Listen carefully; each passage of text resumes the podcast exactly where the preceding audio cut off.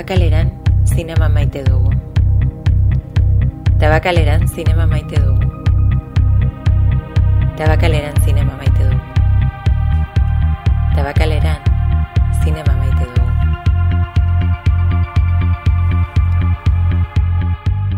Urriko lehenengo astea.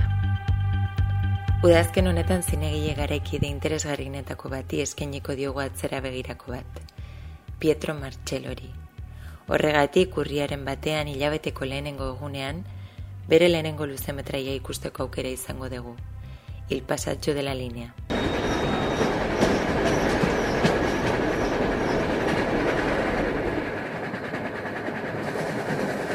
Era il capo del mio movimento, sono stato arrestato, processato.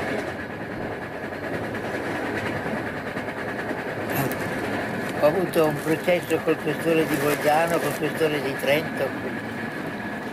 Pietro Marcello kontatzen du amabost urte zituela, etxetik alde egin zuela, eta Parisera gau ez joan tren bat hartu zuela. Handik aurrera, trenetaz maitemindu zen zuzendaria. Bere ustez trenek iragan atzean uzten dute, eta beti daukaz betorkizun aurrean. Venezia Siracusa, Milano Agrigento, Palermo Torino, Roma Palermo, Siracusa Roma, Roma Lecce, Milano Salerno, Napoli Bolzano, Napoli Milano, Torino Napoli, Venezia Lecce, Bolzano Lecce. Hauek dira Pietro Marcellok bere lehenengo luzemetraia egiteko hartu zituen tren guztiak. Zenbat pertsonekin egingo du topo tren hauetan, orokorrean Italiako langileak. Beraiek elkarrizketatuz, herrialdearen erretratu bat proposatuko du. Urriaren bian Imanol Uriberen segobiako iesaren momentua izango da. Pelikulak berrogei urte bete dituela eta Ernest Lluc liburutegian erakusketa bat antolatu da.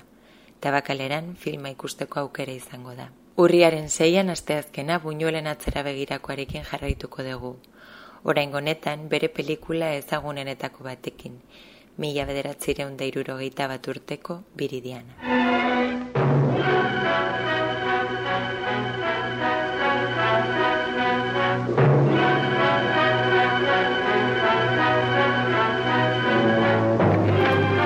Jaialdian estrenatu zen saririk handiena jasoz, urrezko palma. Oso pelikula polemikoa izan zen. Saria jaso eta hurrengo egunean Vatikanoko egunkarian kritika gogor bat azaldu zen eta filma Espainian eta Italian debekatu zuten. Espainian Franco diktadorea hiltzen arte ezin izan zen pelikula estreinatu. Eta hau, mila bederatzireun da mazazpi urteko maiatzaren hogeita iruan gertatu zen hain zuzen ere. Pelikularen kartela Iban Zulueta zinegilaren obra da.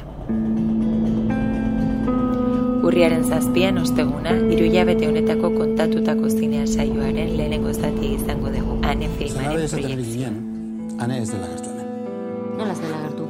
Ez gau eta ez atzo, eta joan zen astean beste irutan. Aurreko batean kendu egin genion. Geografiako eskolaren erdian atera eta irakasleak grabatu zuen. Hane zure etxera ere jonez badeta inbeste kezkatzen bazaitu, zoaz komezale gira eta ipinezalak eta zena iduzu zapea, Fernando. Ez da bai den aritu zinetan, ez da? Noski, errua nirea da.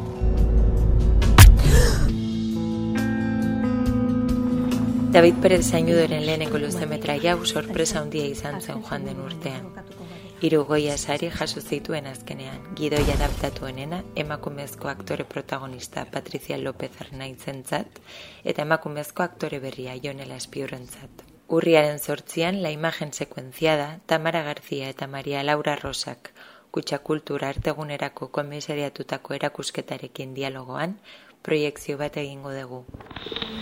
Estoy curada.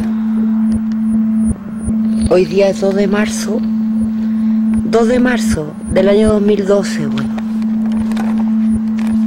Y estáis cachando lo que es la población. Tu destino va a cambiar y aparece un hombre tuyo. Bi film izango dira. Maria Luisa Penbergen juguetes eta Nicolás Videla eta Camila José Donosoren Naomi Campbell. No es fácil convertirse en otra persona. Urriaren bederatzean larun bata, zinemaldiaren momentua izango da. Dakizuen bezala, joan den urtetik zinemaldiak hilabetean behin programatzen dute bakalerako zinaretoa. Aurten, nestek, zine ikasleen topaketak, hogei urte bete ditu eta urte hurren hau ospatzeko poslabur metrai proiektatuko dira. Urriaren amairu asteazkena, Buñuelen El Ángel Exterminador ikusiko dugu. Biridianaren arrakasta eta gero Buñuelek askatasun osoa izan zuen bere hurrengo pelikula egiteko, eta oraingo honetan ere film arrakastatxoa izan zen. Urriaren amalauean Elias Kerejeta zineskolako komisariotza ikasleek programatuko dute zinearetoa. Urriaren amabost ostirala, Euskal Filmategiaren ziklo berriaren hasiera izango da. Euskal emakume zinegile.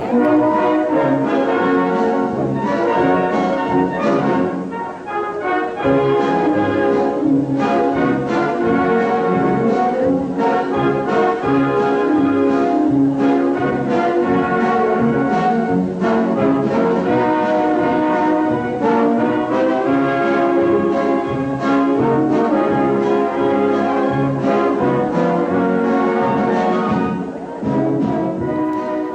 saio honetan Arantxa Lazkanoren urte ilunak proiektatuko da.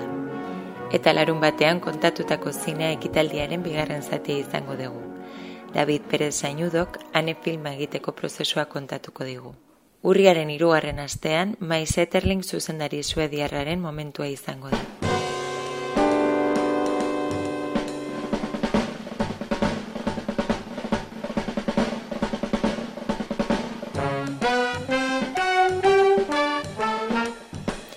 Donostiako emakumeen etxearekin kolaborazioan antolatua, asteazkenean zuzendariaren mila bederatzireun da irurogeita Natlek filma ikusteko aukera izango dugu.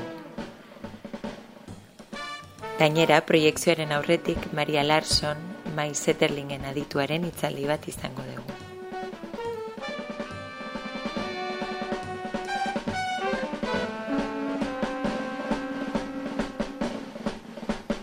Ostegunean Elena Tabernaren Barados filma ikusiko dugu. موضوع إنه هلا أنت هون يعني عم تعيش حياة اللاجئ فما تتخيل إنه اللي بدك إياه بتحصل عليه عرفت علي شو أنت بالنهاية اسمك لاجئ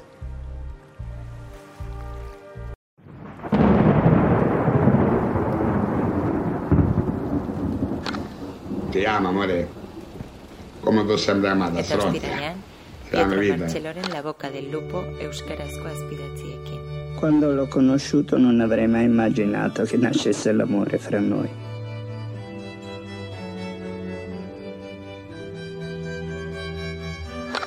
Ciao dolcissimo e carnalissimo amore mio, come stai? Ti adoro, dolcissimo bastardo.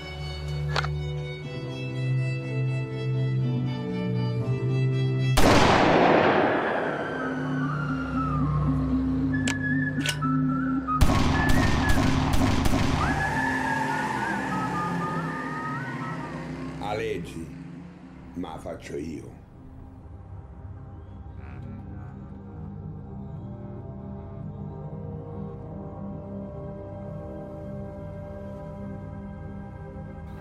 Dokumental eta melodramaren artean dagoen pelikula honetan, alde batetik bikote baten maitasun historia kontatuko da, baina pelikularen benetako protagonista Genova iria da. Urriaren hogeita iruan larun bata, liburutegian eguna da, eta gospatzeko Susana Nobre zuzendari portugaldarraren No Taxi do Jack pelikula ikusteko aukera izango dugu. Olha, eh, no seu caso, nós podemos facilitar, visto que está quase a reformar-se, mas terá na mesma cumprir os deveres de desempregado. É a chamada corrida aos carimbos. Já ouviu falar? Já, já, doutor. Ih, já sei o quê, já sei o quê.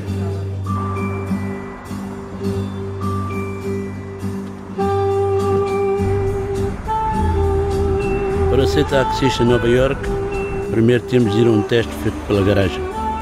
O teste é feito de perguntas sobre caminhos. Como é que se vai para as corridas de cavalos e para o aeroporto de Kennedy em hora de ponta. Eram 25 perguntas. Acertei 16. Passei. Nova Iorque é uma ilha circundada por, por um rio. Largura aqui do Rio Tejo. I'm waiting for the bus at the moment. Presente tense. Present continuo. You don't pay me a fucking well. Eu respeito-te, eu valorizo-te. Tu és importante para mim.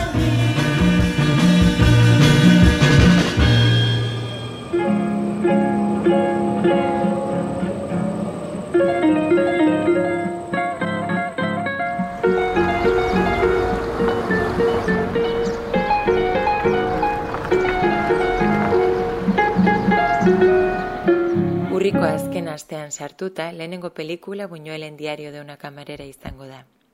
Ostegunean, berta gaztelumen diren mariposasen hilerro ikusi izango dugu eta ostiralean, Buñuel Plus zikloaren barruan, Markiz pelikula. Hilaren hogeita marrean, Pietro Martxeloren txanda izango da berriro ere. Orain honetan, berak miresten duen zinegile baten omenez egindako filmarekin egin zuzen ere. Il silenzio di peletxean.